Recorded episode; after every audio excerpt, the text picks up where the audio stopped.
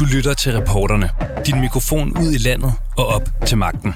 Vi giver dig de største historier, insisterer på svar og udstiller de halve sandheder.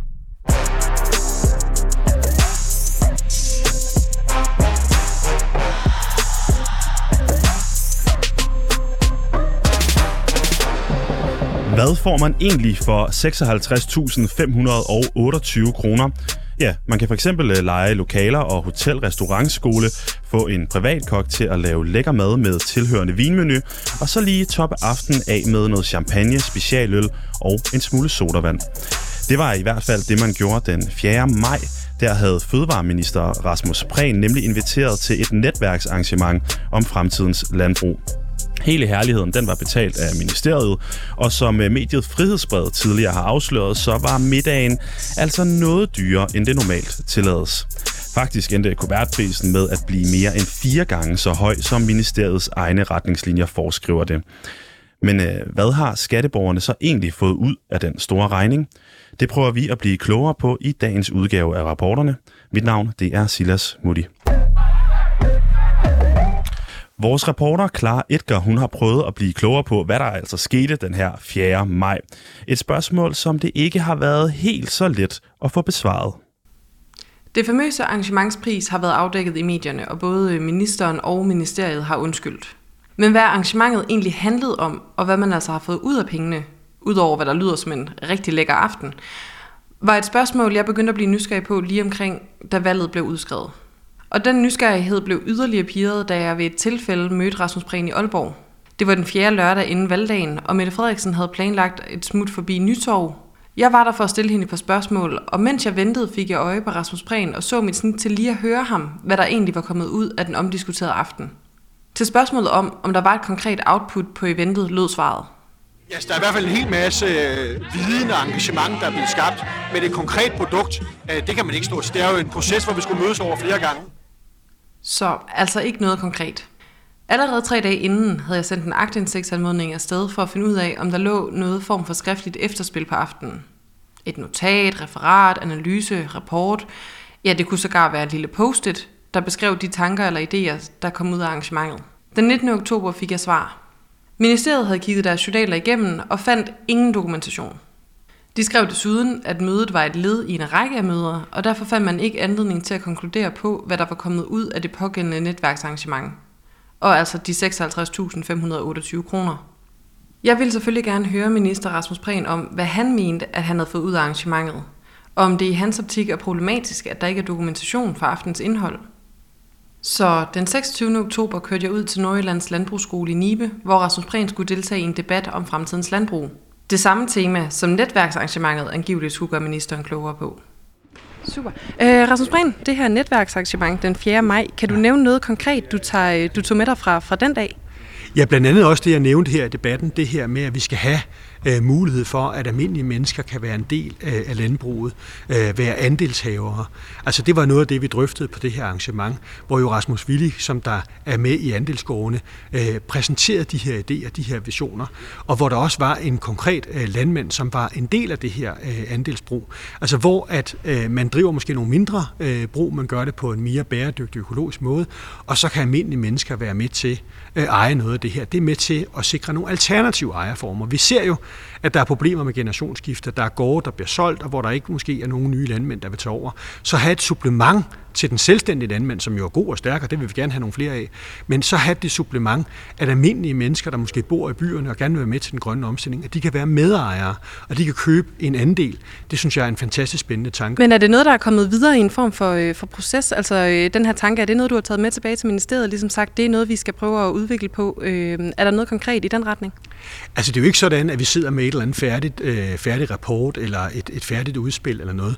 Det var jo en møderække, øh, hvor at vi sådan set første gang mødtes til et øh, stykke smørbrød inde i ministeriet, og så var der nogen, der havde den idé, at vi skulle gøre noget mere ud af det til det her netværksarrangement. Og så var det tanken, at vi skulle lave noget sammen med Landbrug og Fødevare som det næste. Så der var sådan en række af møder, vi havde. Så det er sådan work in progress. Øh, så jeg tror, at rigtig mange af os øh, har idéer i baghovedet om, hvor skal vi hen på det her område. Men vi nåede simpelthen ikke at, at færdig øh, at bearbejde det. Og netop det her med, at det er en møderække. Altså nu kostede det her arrangement den, den 4. maj, det kostede jo over 50.000. Øhm, så, så jeg kan ikke lade være med at tænke, hvor mange møder var det planen, der skulle være? Hvor mange penge skulle der bruges på det her, før vi, øh, før vi kunne se noget konkret?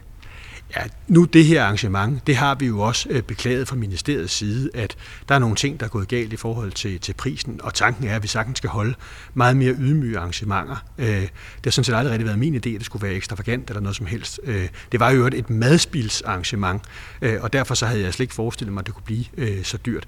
Men altså, tanken var at mødes måske over en, en ostemad eller et stykke smørbrød eller et eller andet den stil, så det er slet ikke for, at det skal noget, der skal, være, der skal løbe op. Men skal man hente kapaciteter ind, der kommer og holder oplæg og forskellige repræsentanter fra pensionskasser og meget andet, så er vi også nødt til at kunne servere øh, en, en bid brød, hvis det er, at de skal bruge øh, den øh, tid, hvor de normalt vil spise aftensmad, til at være med i et møde sammen med os.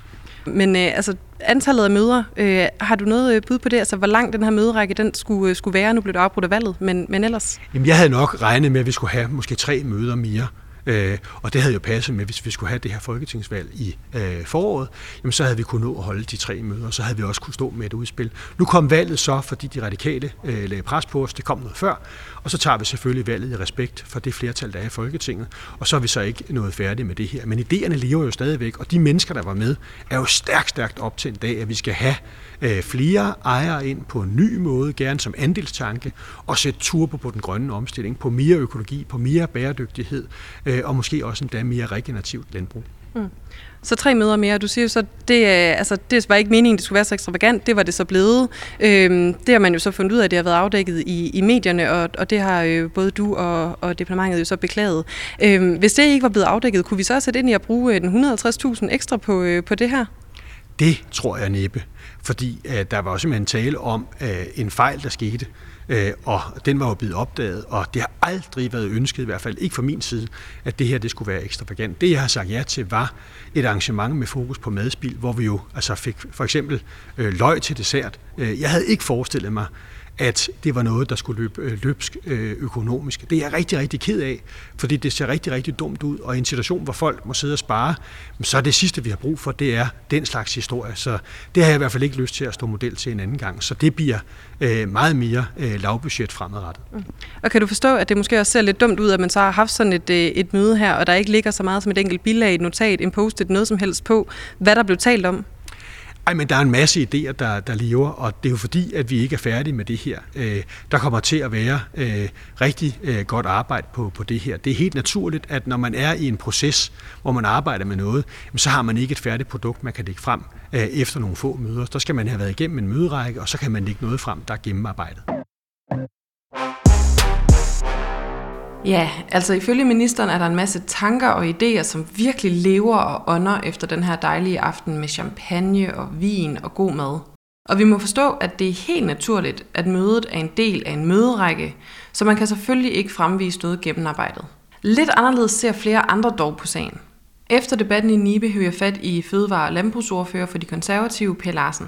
Jeg spurgte ham, hvad han tænker om, at der ikke er dokumentation for netværksarrangementets indhold. Jeg går jo meget ind for offentlighed i forvaltningen, så det skal der da gøre. Altså, der skal være dokumentation for, hvad der foregår jo. Mm.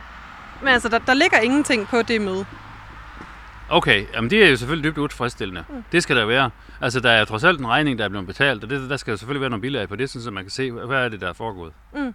Altså rent bilagsmæssigt kan det måske også godt være, men jeg spurgte mere sådan i forhold til, om der lå nogle øh, notater på indhold, snakke, øh, faglighed, en post-it, et eller andet i, øh, i den dur. Altså hvad har man brugt tiden på at snakke om? Og, og der ligger altså ikke nogen former for, for materiale på det. Okay. Øhm, ja. Jamen, øhm, det undrer mig lidt, at der ikke er noget. Og, øhm, altså, fordi det skal der være. Mm. Så, så, så det må de kunne finde mm. et eller andet sted. Så det er et spørgsmål om at, at bede om det, tror jeg. Mm.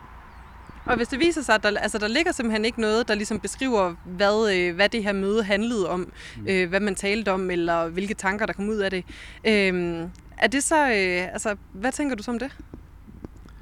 Jamen altså, jeg tænker jo, der skal jo være et, et, et indhold, når man bruger skatteyderens penge på noget. Altså, sådan må det være, og derfor skal der selvfølgelig også være en beskrivelse af, hvad det er, der er foregået. Mm. Godt. Og det vil, øh, hvis, øh, hvis du kommer ind og skal, skal sidde med landbruget, vil du så garantere, at, øh, at at eventuelle netværksmøder, at der er, der er dagsordner og, og referater på dem? Jamen altså, det mener jeg, det er helt naturligt, øh, eller det vil sige, det er ganske unaturligt, at der ikke er det. Fordi alt, hvad man foretager sig, det skal selvfølgelig kunne dokumenteres. Hvad er der er foregået, og øh, er, kunne det have været gjort på en anden måde? Sådan noget? Altså, øh, vi lever i et demokrati, hvor at offentligheden har behov for at vide, hvad er der foregår, og det synes jeg, at man forsømmer, hvis det er sådan, at der ikke er lavet noget notat på det. Per Larsen er altså ikke synderlig imponeret over håndteringen og kalder ministeren og ministeriets praksis ganske unaturlig. Men præcis hvor unaturligt er det egentlig? Det håber jeg at blive lidt klogere på, og derfor har jeg ringet til forskningslektor ved Danmarks Medie- og Journalisthøjskole, Roger Buk, som også tidligere har kigget på det økonomiske aspekt af netværksarrangementet.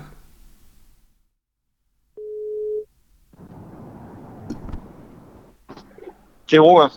Ja, hej Roger, det er Clara. Hej. Hej. Altså Roger, jeg ved jo, at du tidligere har kigget på øh, det her netværksarrangement, og, øh, og i den forbindelse kaldte det både øh, eksklusivt og usædvanligt dyrt. Øh, nu har jeg jo så prøvet at blive lidt klogere på, hvad man så har fået for, for de her mange dyre kroner, og øh, der ligger jo så simpelthen ikke nogen former for dokumentation på, hvad der er sket til det her øh, netværksmøde. Øh, hvad tænker du sådan umiddelbart om det? Jamen det er selvfølgelig mærkeligt umiddelbart, at øh, man afholder et arrangement for meget få personer, og hvor det bliver en meget høj pris øh, per person, og så at man efterfølgende ikke rigtig kan fremvise eller dokumentere, hvad det er, arrangementet egentlig har ført øh, med. Altså hvad der er resultatet af arrangementet. Og øh, på den anden side, når man kigger på selve arrangementets karakter, øh, at man skal mødes med en kok, og man skal øh, diskutere øh, og stå og lave mad, mens man diskuterer, hvordan man kan undgå madspild, så kan man sige, så er det måske ikke så overraskende, at det er svært bagefter at, at fremlægge en dokumentation for, hvad øh, arrangementet egentlig har ført til. Men, men man må jo sige, at øh, et grundvilkår i alt, hvad man foretager sig i det offentlige, er jo, at øh, man øh, skal øh, an, handle ansvarligt med, øh, med borgernes penge. Og det vil jo altså sige, at øh, det, som man i fagtamer kalder, at man skal handle øh, økonomisk forsvarligt. Øh, og der kan man godt undre sig over, om det er økonomisk forsvarligt at øh, afholde sådan et arrangement her, øh, uden at man rigtig bagefter kan sige, hvad arrangementet egentlig fører til. Mm. Øh, og jeg har haft lidt svært ved lige at finde ud af øh, omkring det her øh, med, om, om deltagerne de rent faktisk selv ligesom skulle have, have fingrene øh, på, på køkkenbordet og, øh, og hakke løg og så videre selv, eller, øh, eller om maden blev serveret. Men uanset hvad, Roer, så tænker jeg jo, altså man kan jo sagtens øh, så efterfølgende lige sætte sig ned med en sekretær og sige, det var den her og den her og den her idé, øh, der kom ud af det, øh, selv hvis man havde stået med, med madlavning på, øh, på selve aftenen. Ja, og det er jo det, man normalt gør, når man holder møder øh, i et ministerium. Hvis man øh, holder møder med interesseorganisationer og virksomheder og, og andre, som er relevante for et ministerium, så har man jo som regel altid en referent med siddende over hjørnet, som noterer ned, hvad det er, der er blevet drøftet på mødet, og hvilke idéer det er, man er nået frem til, og hvordan man kan arbejde videre med dem. Og det må man jo undre sig over, at man ikke her har prøvet det samme og samle op på, hvad kom der egentlig ud af det her møde? Øh, hvad er det for nogle øh, idéer og projekter, som man måske skal arbejde øh, videre med fremadrettet. Og, og det kan man sige, det øger jo sådan set bare øh, det, øh, det her øh, mødes øh, problematiske karakter. Altså det er jo problematisk i sig selv, fordi det var en lille bitte kreds af mennesker, og det blev meget dyrt per person. Øh, og når man så efterfølgende bagefter ikke rigtig er i stand til at sige, hvad der egentlig kom ud af mødet, så er det klart, at så bliver spørgsmålstegnene omkring det her møde endnu større, end de var i forvejen. Mm. Er der forskel på, øh, tænker jeg, om man kan, altså om man har noget fældet ned på, på skrift som en form for dokumentation, øh, og så det her med bare at stille sig op og sige, jamen det var det her, vi snakkede om? Nej, men det er jo et grund, den måde, man grundlæggende arbejder på inden for det offentlige, er jo med skriftlighed. Altså, mm. når man holder møder med eksterne aktører, jamen, så sørger man for at skrive ned, hvad det er af relevante ting, som skal huskes og bringes videre med frem fra, fra et møde og i det hele taget i den offentlige sektor arbejder man jo hele tiden med skriftlighed. Mm. Så det er jo standarden, og normalt, når man holder møder, så øh, kommer der nærmest automatisk en skriftlighed i form af, at der er blevet brugt nogle powerpoints, som øh, viser, hvad det er, man har diskuteret og drøftet på mødet. Der har været forskellige oplægsholdere, som også kommer med powerpoints øh, og, og lignende. Øh, så på den måde kommer skriftligheden jo meget ofte helt af sig selv, men netop på grund af det her mødes karakter, øh, så er man, kan man i virkeligheden ikke være så overrasket over, at der ikke er noget øh, umiddelbart skriftligt, der springer ud af mødet, men der burde man jo så have sat sig ned bagefter og sagt, hvad kom der ud af det? Øh, var der de her, et nyt netværk, der blev etableret? Var der nogle nye gode idéer, der, der blev der blev heddet frem her, og som vi skal arbejde med øh, i fremtiden. Mm. Og nu kaldte du det jo før øh, et, et problematisk møde. Øhm, tænker du, at der kan være, øh, være tale om, om brud på nogle regler, simpelthen også i forbindelse med det her møde, udover selvfølgelig øh, det rent økonomiske, hvor, øh, hvor man jo har undskyldt? Nej, det er svært at sige. Altså, der er jo ret brede rammer i forhold til lige præcis minister og, og deres øh, brug af repræsentationsudgifter. Der er ikke nær så snævre rammer, som der er for alle mulige andre, øh, andre ansatte øh, i den offentlige sektor. Så, så der er nogle videre rammer, og man kan også sagtens holde nogle møder, øh, hvor man så bagefter, man troede, man ville få en masse ud af mødet, og så kan man konstatere bagefter, at man ikke gjorde det. Men man må jo bare sige opsummerende, når man kigger på det her møde, at det er et møde, som, som øh, fremstår med en hel masse spørgsmålstegn omkring sig. Øh, fordi mødet jo altså var for en lille sluttet kreds af mennesker. Det var meget dyrt. Det var så svært undervejs at få dokumenteret det her med, hvor dyrt det egentlig var. Der var journalister, der søgte agtindsigt, og så fik de ikke alle dokumenterne. Så fik de nogen efterfølgende. Og så kan man også sige, det som trækkes frem her, hvad var der egentlig af substans i mødet, i mødet og hvad kom der ud af det? Øh, det svæver også lidt hen i det uvisse. Så man kan sige, at det på en eller anden måde er jo sådan et møde, der er blevet omringet af spørgsmålstegn. Mm. Og nu, øh, nu beder jeg dig så lige om, om noget, jeg ved, du måske ikke øh, er så meget for. Det, øh, det er sådan kloge hoveder som dig typisk ikke, men jeg vil lige bede dig om at prøve at spekulere et øjeblik. Altså, fordi nu har du været, været inde i, i sagen af flere omgange. Du har, har kigget ret meget på den, og nu, nu kommer jeg så med den her øh, nye øh, viden om, at, øh, at der ikke er noget dokumentation. Øh, hvis du skulle spekulere, Roar, i, hvad, hvad der er sket øh, på den her aften, øh, hvad vil du så gætte på? Jamen, det har jeg slet ikke nogen bud på, øh, men, men det synes jeg sådan set heller ikke er øh, det vigtigste i sagen. Altså det vigtigste i sagen er jo sådan set, at vi ikke ved det. Og så synes jeg ikke, at vi kommer nogen vegne ved at begynde at sidde og gætte om, øh, hvad der er foregået på mødet. Jamen, det, det, som er det problematiske, oven i alt andet problematisk, der har været omkring det her møde, det er jo, at man ikke ligesom kan dokumentere, hvad var det egentlig, øh, der kom ud af mødet, øh, og at man ikke kan fremlægge nogen som helst form for øh, skriftlige dokumenter eller lignende, som kan sige noget om, hvad udbyttet var øh, af mødet. Øh, og, og det er der yderligere et, et, øh, et, et, et, øh, et kritisk punkt i forhold til det her møde, som i forvejen jo er blevet øh, kritiseret for, på, på flere forskellige måder. Tusind tak for det, Roar. God aften. Det var slet. Det er lige måde. Hej. Hej. Så Roar Buk er skeptisk, og øh, det er der en anden, der også er. Jesper Olsen, formand for Transparency International, føler sig i hvert fald heller ikke umiddelbart betrykket ved tanken om, at det ikke er muligt at få en skriftlig indsigt i, hvad ministeriet har spenderet de mange tusind kroner på. Alle offentlige udgifter skal have et formål. Når man er minister, så har man betroet magt. Og det vil sige, at man bruger dine og mine penge på fællesskabets vegne og til fællesskabets formål. Og derfor er der selvfølgelig nødsaget til at være klar dokumentation for, at de penge, som ministeren bruger, at det ikke er private penge, altså private opgaver, øh, som man, man bruger statens midler på, men er en opgave, som er staten og dermed fællesskabet øh, vedkommende. Og derfor, og det kan lyde sådan lidt byråkratisk, øh, og hvad det hedder, sådan lidt som om man går i meget små sko, men derfor er den der dokumentation nødsaget til at være øh, til stede, og der er nødsaget til at være nogen, der kan, øh, hvad det hedder, der kan gå det efter, øh, som kan stå på mål for, at det også er det, der, til, øh, det, der sker. Fordi ellers så giver vi jo i virkeligheden bare ministeren, om jeg så må sige, en, øh, en, en statslig kassekredit, og det er jo ikke det, der er meningen. Isoleret set, så kan det jo godt være, at øh, der med mange netværksarrangementer, at der kan noget af det, man sidder tilbage med, ud over en regning være meget lidt konkret, øh, fordi det kan have været en snak. Og derfor skal det her spørgsmål omkring, hvad der er kommet ud af det, det skal jo sådan set i virkeligheden ses øh, ikke isoleret, men i en samlet, altså det er jo en del af en samlet pakke, hvad var formålet med det her øh, hvad det hedder, arrangement.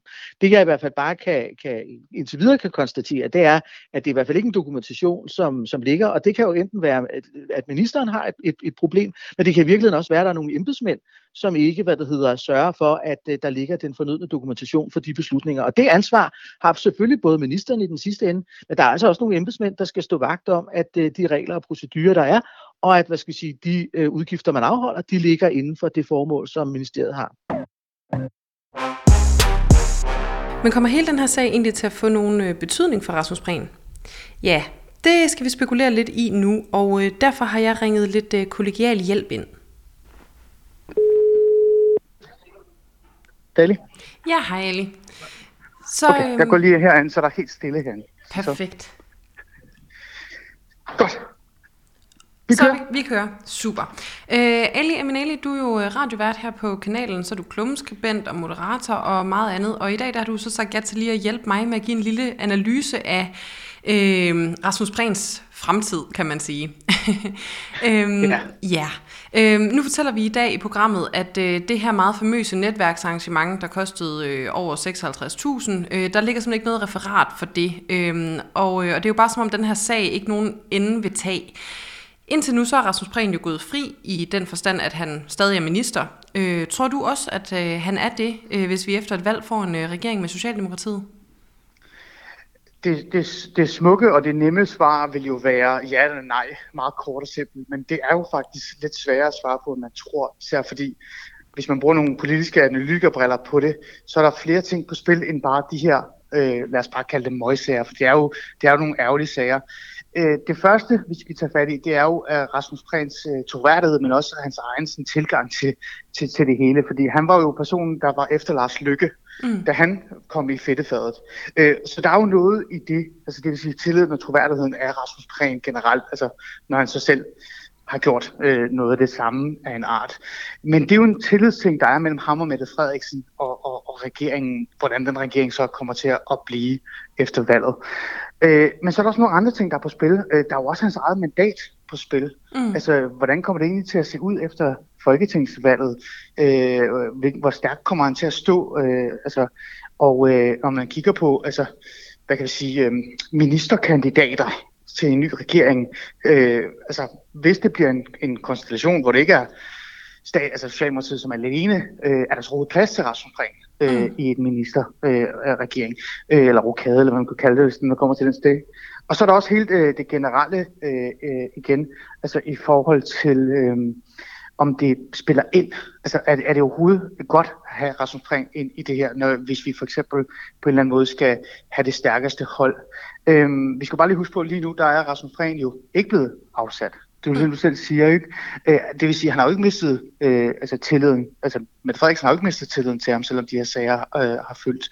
Så det er nogle af de ting, der spiller ind. Øh, så derfor, så, når du spørger mig, om kan han egentlig være minister, øh, den sådan sladderbrødsagtige svar til dig udefra vil jo være, nej, det kan da ikke. Det er jo en voldsom ting, der foregår lige nu.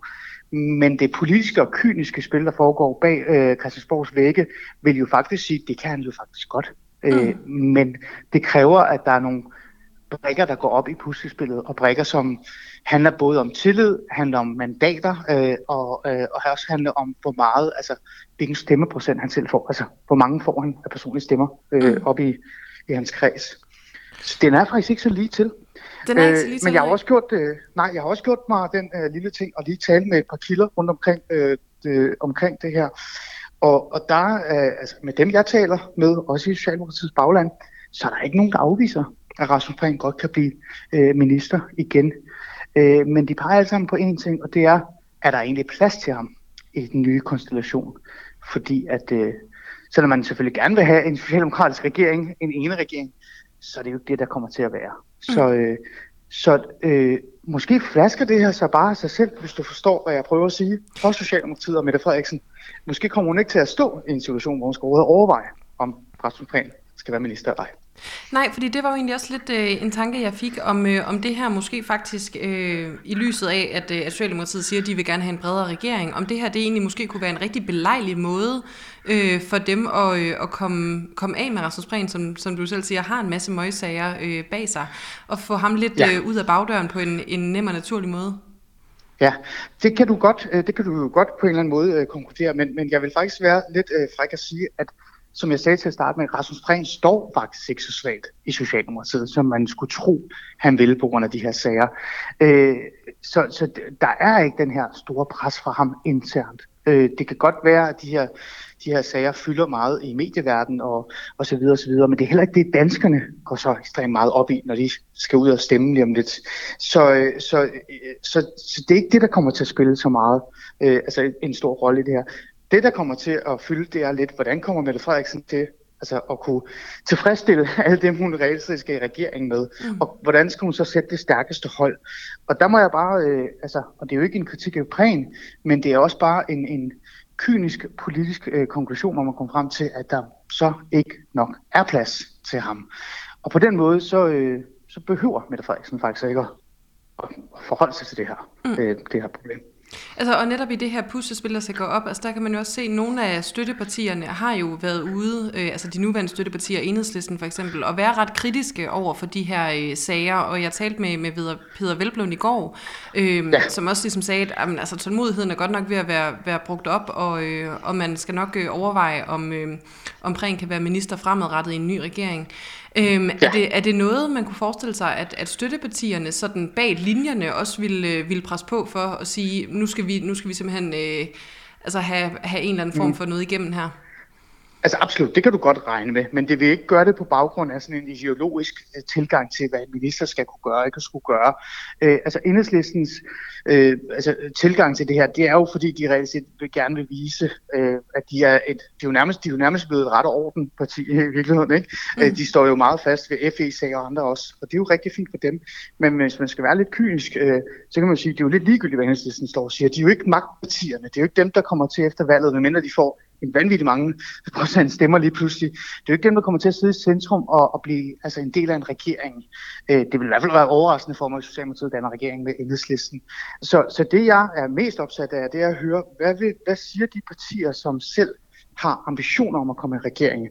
Og der har du fuldstændig ret. Der kan de jo godt bruge den her som en form for brik i et puslespil, øh, i det her store puslespil. Men jeg tror, det de allermest interesserede i, det er jo at sørge for deres egen folketingsmedlemmer, deres egen øh, parti, altså deres eget parti kommer i regering. Øh, så, så jeg tror, øh, det bliver nemt for dem at sige, ja ja, men vi vil gerne have det her ministerium. Og, og så er det det. Og så går man ikke længere ned i en sag omkring, du ved, øh, møgssager og så videre og så videre. Så kort sagt, øh, øh, jeg tror ikke engang, vi kommer så langt, for at være ærlig. Øh, men der er jo stadig muligheden for, at øh, Socialdemokratiet går vanvittigt meget frem. Vi ved det jo ikke, det tror jeg ikke på. Og så står vi med en ene regering. Og der har du fuldstændig ret. Så kommer vi til at stå i en situation, hvor Mette Frederiksen skal kigge Rasmus Prehn i øjnene og sige, er tilliden der egentlig mm. øh, her? Øh, men, men den kyniske politiske analyse vil sige, den kan vi godt spekulere i, men jeg er mere interesseret i, hvad vil Moderaterne have? Hvad vil øh, SF have for den sags skyld? Og så videre og så videre, ikke? Mm. Så øh, hvis man så konkluderer noget, så kan man sige, at, øh, at Rasmus Prehns fremtid, øh, ligesom valgresultatet, stadig er ret usikkert. Ja, og man kan også konkludere på en eller anden måde, at selvom de her møgsager var kommet, eller ej, så ville Rasmus Prehn stadig stå i en situation, hvor det overhovedet ikke var sikkert, at han kunne være minister. Godt. Jamen, øh, tak for det, Ali. Det var så let, så løber jeg ud til en bus. Godt, gør du det. det er godt. Hej. Hej.